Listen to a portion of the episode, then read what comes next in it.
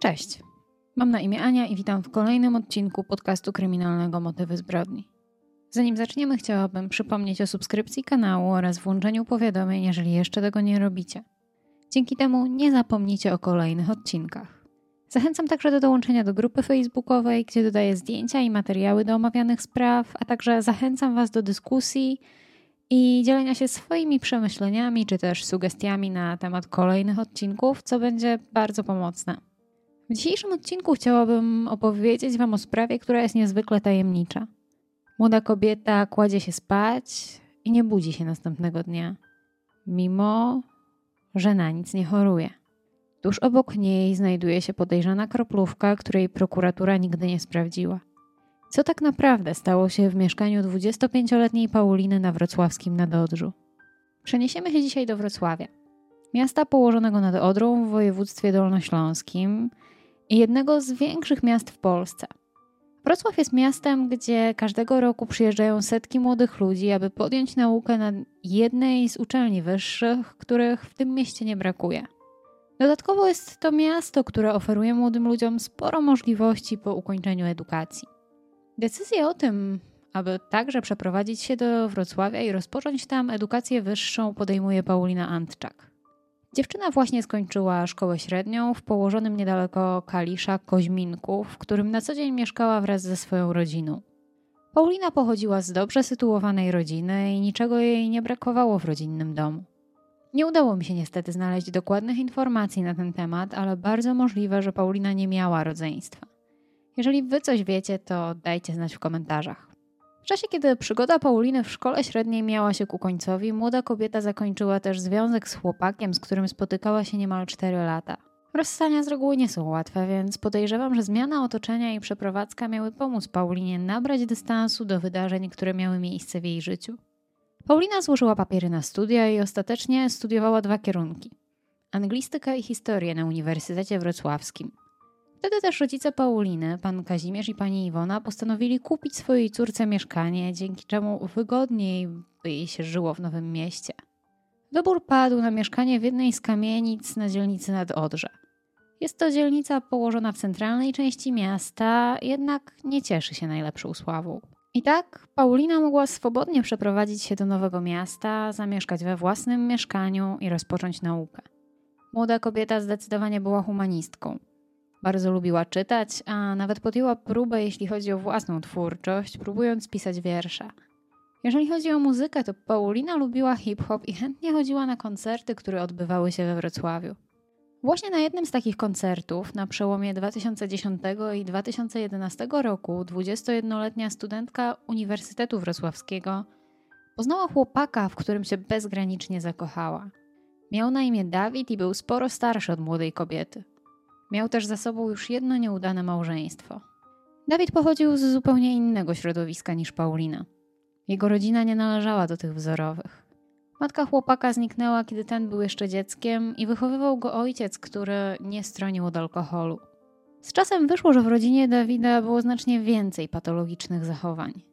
Podczas jednego ze spotkań w mieszkaniu ojca Dawida ten przystawiał się do dziewczyny syna, co bardzo ją rozzłościło. Ogólnie Paulina odnosiła wrażenie, że ojciec Dawida to raczej dziwny mężczyzna. Dodatkowo Dawid, który całe życie mieszkał na Nadodrzu, miał nieciekawych kolegów, których zdecydowanie nie można określić mianem porządnych. Większość z nich nosiła ślady bujek odbytych na podwórkach kamienic, takie jak złamane nosy czy braki w uzębieniu. Przyjaciółka Pauliny, Kasia, widziała, że jej nowy chłopak może nie jest idealny, ale wiedziała też, że to był typ mężczyzn, do których Paulina ciągnęło. Dawid wcale nie różnił się od innych mężczyzn, z którymi Paulina się spotykała. Jednak mimo tego, że dziewczyny dość dobrze się znały, Paulina zwlekała z przedstawieniem Dawida swoim znajomym. Mimo, że oni wiedzieli, że nie jest to najlepszy materiał na życiowego partnera, nikt nie chciał się wtrącać, jeżeli Paulinie odpowiadała taka relacja. Nowy chłopak Pauliny nie przypadł do gustu także jej rodzicom. Jej tata stwierdził, że Paulina z jakiegoś powodu wybiera sobie chłopaków z problemami. Rodzice nie rozumieli do końca, dlaczego ich córka się na to decyduje, ale podejrzewali, że to jej wrodzona wrażliwość i chęć pomagania innym sprawiła, że każdy jej partner potrzebował jakiegoś wsparcia. Rodzice także nie reagowali na nową znajomość ich córki, ponieważ ta się od nich odwracała, kiedy próbowali ingerować w jej życie. A ostatnie, czego by chcieli, to stracić z nią kontakt. Zresztą, kiedy Paulina z Dawidem odwiedzali państwa Antczaków w Koźminku, chłopak był bardzo miły, zawsze proponował mamie Pauliny pomoc i zwracał się do niej bardzo grzecznie. Dość szybko Paulina i Dawid zamieszkali razem. Chłopak wprowadził się do mieszkania swojej nowej dziewczyny. Jej koleżanka podejrzewała, że zwyczajnie potrzebował jakiegoś miejsca do mieszkania. Tym bardziej, że Dawid nie miał stałej pracy ani też się nie uczył.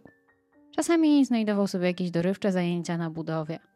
Jednak zdecydowanie w jego życiu, tym bardziej tym zawodowym, brakowało stabilizacji. Kasia wspomina także, że związek z Dawidem odmienił Paulinę, ale nie w pozytywnym znaczeniu. Z wyrazistej, pewnej siebie osoby jej przyjaciółka stawała się zamknięta, cicha i zakompleksiona. Jak para zamieszkała razem, to Paulina utrzymywała siebie i swojego partnera. To ona robiła zakupy czy płaciła za mieszkanie. Rodzice kobiety także zauważyli, że od tamtego momentu zaczęły pojawiać się pewne problemy. Z czasem, kiedy największe emocje opadły, sama Paulina zauważyła, że jej chłopak wykorzystuje ją finansowo i nie dokłada się do ich wspólnego życia. W 2014 roku w związku Paulino i Dawida zaczęło się psuć. Pojawiły się kłótnie, zazdrość i agresja. A sama Paulina coraz częściej zdawała sobie sprawę, że to może się nie udać. Pod koniec wakacji 2014 roku Paulina rozmawiała przez telefon ze swoją mamą. Żaliła jej się, że ma już dość życia z Dawidem. Ciągle nie było go w domu, ale nie dlatego, że dużo pracował, a dlatego, że uciekał do kolegów, z którymi spędzał całe dnie. Dodatkowo ciągle nie pracował i to na jej barkach było utrzymanie domu i ich. W ostatnim roku zdarzyło się też, że ich kłótnie przybierały coraz gorszy obrót. Zdarzało się, że Dawid szarpał i ubliżał swojej partnerce. Paulina wiedziała także, że Dawid był agresywny w stosunku do swojej byłej żony. Matka kobiety także była świadkiem takiej sytuacji podczas wigilii w 2013 roku. Po kolacji wigilijnej w domu rodziców Pauliny ta poprosiła Dawida, aby jeszcze chwilę posiedział przy stole. Z czego wywiązała się sprzeczka. Dawid zaczął krzyczeć, że ma to gdzieś i jeśli trzeba, to pójdzie do Wrocławia pieszo. Pani Iwona widziała też kilkukrotnie na ciele córki siniaki, ale Paulina nigdy nikomu nie powiedziała, że partner używa wobec niej przemocy fizycznej. Raz zdarzyło się, że Paulina miała rozciętą głowę, ale tłumaczyła rodzicom, że przewróciła się w wannie. Innym razem miała siniaka na udzie, ale to także tłumaczyła poślizgnięciem. To jednak nie były jedyne ślady na jej ciele, ale Paulina nigdy o tym nie mówiła. We wrześniu 2014 roku między Pauliną i Dawidem doszło do poważnej kłótni. Pewnego dnia do Pauliny przyszedł jej dobry przyjaciel Jacek. Dawida nie było wtedy w domu, bo jak w sumie już wspominałam, rzadko spędzał cały dzień w domu ze swoją partnerką. Jacek przyszedł z butelką alkoholu i prawdopodobnie on i Paulina coś wypili. Kiedy jej przyjaciel zasnął, ta zostawiła go w pokoju, a sama poszła wziąć prysznic. Dawid pojawił się w mieszkaniu dokładnie w momencie, kiedy Paulina wyszła z łazienki w ręczniku. Wściekł się i zrobił awanturę. Zarzucił Paulinie, że ta go zdradza i powiadomił o tym też jej rodziców. Otrzymali kilka nieciekawych wiadomości od partnera ich córki z informacjami o tym, że Paulina zdradza go z Jackiem i że przyłapał ich pijanych i nagich w łóżku. Napisał też SMS-a do swojego kolegi, że musi wyjść z domu, bo kogoś rozszarpie. Następnego dnia była sobota. Około ósmej rano Paulina rozmawiała przez telefon ze swoją przyjaciółką. Opowiadała jej o tym, co wydarzyło się poprzedniego dnia. Nie rozumiała, jak Dawid mógł tak zinterpretować zaistniałą sytuację i była bardzo zdenerwowana. Powiedziała koleżance, że wychodzi z domu i nie wróci do czasu, aż Dawid się wyprowadzi. Wyglądało na to, że to był decydujący moment w związku Dawida i Pauliny. Dziewczyna była zdecydowana, że to już musi być koniec. Podobno po tej awanturze Paulina miała porozmawiać ze swoim partnerem o całej sytuacji, o tym wszystkim, co jej przeszkadza i czego ma dość.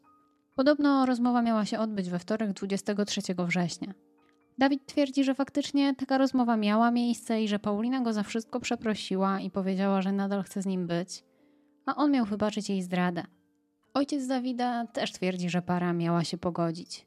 Jednak mimo tego, że teoretycznie wszystko miało być między nimi w porządku, tego wieczoru położyli się spać w osobnych pokojach. Paulina chciała pooglądać telewizję. Nie przebrała się do snu. Miała na sobie biżuterię, ubrania i bieliznę. Dawid natomiast miał spać w drugim pokoju na kanapie.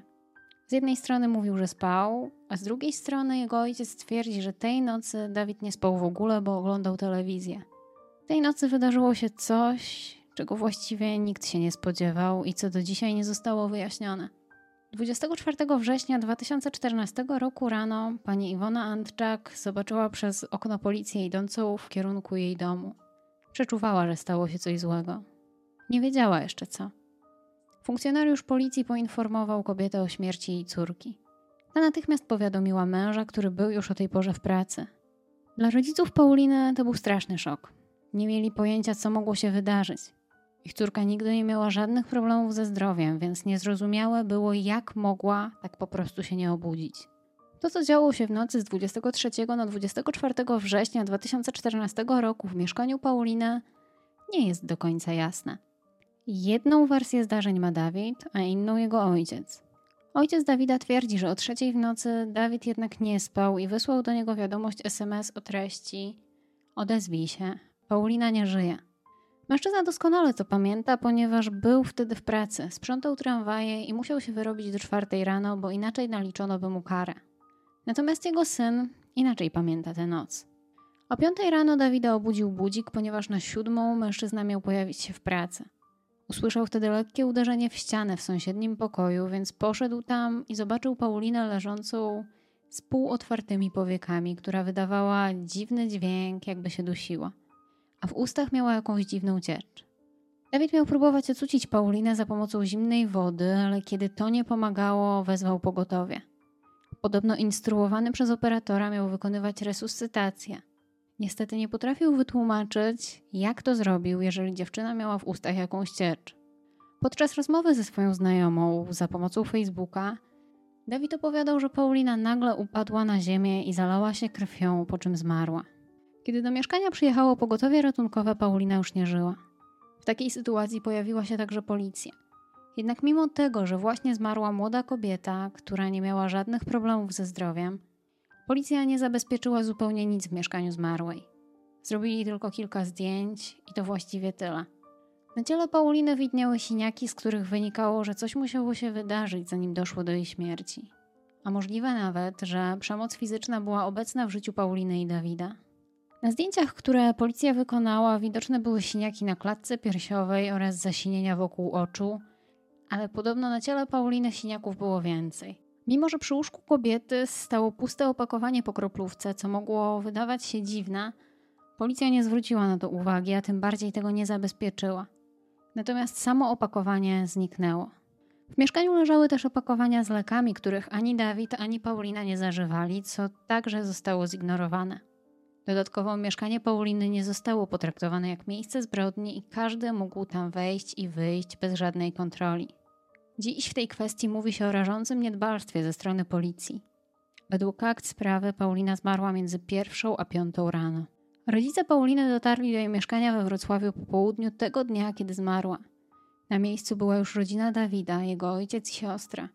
Sprzątali mieszkanie i zadeptywali ślady, których policja i tak nie miała zamiaru zabezpieczyć. Dodatkowo rodzice Pauliny zauważyli zniszczenia w mieszkaniu, takie jak dziura w ścianie na wysokości głowy Pauliny czy stłuczone lustro w korytarzu. W akcie zgonu podano powód, który osobom, które znają Paulinę, wydawał się co najmniej niedorzeczny. Wpisano, że kobieta zmarła na skutek przedawkowania alkoholu, mimo że lekarz, który przyjechał na miejsce zgonu, później zeznał, że nie czuł alkoholu w pomieszczeniu, gdzie przebywała Paulina. A w trakcie sekcji zwłok potwierdzono, że Paulina nie była pod wpływem alkoholu w momencie zgonu ani wcześniej. Ani rodzina Pauliny, ani jej współpracownicy, czy też znajomi ze studiów nie zauważyli, aby kobieta miała problem z alkoholem. Jest natomiast pewien powód, dlaczego to właśnie alkohol został wstępnie podany jako przyczyna jej śmierci. W trakcie przesłuchania Jacka, przyjaciela Pauliny, Został on zapytany przez policjantkę, ile butelek wódki razem wypili w trakcie ostatniego weekendu, który spędzili w swoim towarzystwie. 5, 10 czy 15. Pytanie to wydaje się bardzo mało empatyczne w momencie, kiedy ktoś właśnie stracił bliskiego znajomego, dlatego też zdenerwowany chłopak odpowiedział ironicznie, że 5. Dodatkowo także Dawid zeznał, że Paulina nadużywała alkoholu. Nikt inny, kto znał Paulinę, włącznie z psychologiem, do którego chodziła, Nie potwierdził tezy, że miała ona problem z alkoholem, czy że spożywała jego duże ilości, albo piła go często. Paulina nie zażywała też innych środków odurzających, takich jak narkotyki, których była zdecydowaną przeciwniczką. Rodzice zmarłej rozpoczęli trudną walkę o prawdę. Walkę z systemem i prokuraturą we Wrocławiu, która sprawę chciała za wszelką cenę umorzyć. I tak też się stało. Śledztwo zostało umorzone i stwierdzono, że zgon nastąpił z przyczyn naturalnych, natomiast obrażenia, które zostały wykazane na ciele Pauliny, a także obrzęk mózgu, który stwierdzono w trakcie sekcji zwłok, miały nie mieć znaczenia. Dopiero po długiej walce rodziny Pauliny śledztwo rozpoczęło się od nowa, jednak niestety część dowodów przepadła raz na zawsze. Ostatecznie udało się ustalić, jaka kroplówka i jakie leki znajdowały się w mieszkaniu zmarłej. Jeżeli chodzi o kroplówkę, to był to środek, który z reguły podaje się na przykład w przypadku odwodnienia organizmu czy zatrucia alkoholem. Natomiast tabletki, które biegli, natomiast tabletki, które były widoczne na zdjęciach, zostały przejrzane przez biegłych i okazały się być lekami na nadciśnienie. Jednak do dzisiaj pozostaje tajemnicą, kto te medykamenty przyniósł do mieszkania Pauliny i Dawida. Rodzice Pauliny także byli zainteresowani tematem tajemniczej kroplówki. Córka nigdy im nie mówiła, że bierze jakieś środki na wzmocnienie, kroplówki witaminowe. O niczym takim nie wspominała. Jednak po przeanalizowaniu ulotki, podobnej kroplówki, czy też być może tej samej, pani Iwona dowiedziała się, że podawanie takich środków osobom zdrowym lub podawanie ich w niewłaściwy sposób może doprowadzić do śmierci. W sprawie Pauliny trzykrotnie została wydana opinia lekarska przez jednego i tego samego lekarza, który w każdej z tych opinii zaprzeczał temu, co stwierdził wcześniej, a jego kolejne wnioski były wręcz przeciwne do tego, co twierdził poprzednio. W sprawie Pauliny trzykrotnie została wydana opinia lekarska przez jednego i tego samego lekarza, który w każdej z tych opinii zaprzeczał temu, co twierdził wcześniej. Ważnym śladem w sprawie śmierci Pauliny zdecydowanie jest telefon Dawida i SMSy, które rodzinie kobiety udało się odzyskać, poświęcając na to własne środki. Udało im się odzyskać około 300 usuniętych wiadomości. Prokuratura twierdziła, że w telefonie nie da się niczego odzyskać i nie ma tam nic, co może mieć w tej sprawie znaczenie.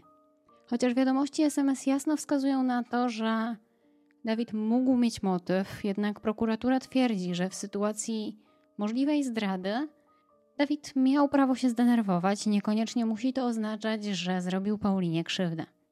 Co ciekawe, w rozmowach między Dawidem i jego kolegą pojawiły się informacje na temat środków z trucizną, dokładnie strychniną. Jacek, przyjaciel Pauliny, miał w jednej z rozmów telefonicznych z jej rodzicami stwierdzić, że boi się partnera swojej zmarłej przyjaciółki i nie chce nic mówić na jego temat. Przepraszał też Dawida za to, że zasnął w ich mieszkaniu i nie chciał rozmawiać z mediami. Rodzice Pauliny wytoczyli proces Dawidowi, ponieważ według nich to on jest winny śmierci ich córki, jako jedyna osoba, która wtedy była w jej mieszkaniu. Wiedzieli także o tym, że parze się nie układało, a Dawid był osobą ze skłonnościami do agresji. Rodzice Pauliny walczą także o ekshumację zwłok ich córki i ponowne przeprowadzenie sekcji zwłok. Jednak do dzisiaj nie ma na to zgody, a sprawa wciąż stoi w miejscu. Rodzice Pauliny chcą też, aby proces toczył się w innym mieście niż Wrocław. I to jest właściwie wszystko w sprawie tajemniczej śmierci Pauliny Antczak. Rodzina nadal walczy o sprawiedliwość, o to, aby śledztwo zostało przeprowadzone z należytą starannością i o to, aby dowiedzieć się, co tak naprawdę się stało tamtej nocy w mieszkaniu ich córki. Dajcie znać, co wy wiecie na temat tej sprawy. Dziękuję bardzo za obejrzenie odcinka do końca. Dbajcie o siebie, kochani, dbajcie o swoich bliskich i uważajcie na siebie. Do usłyszenia. Cześć.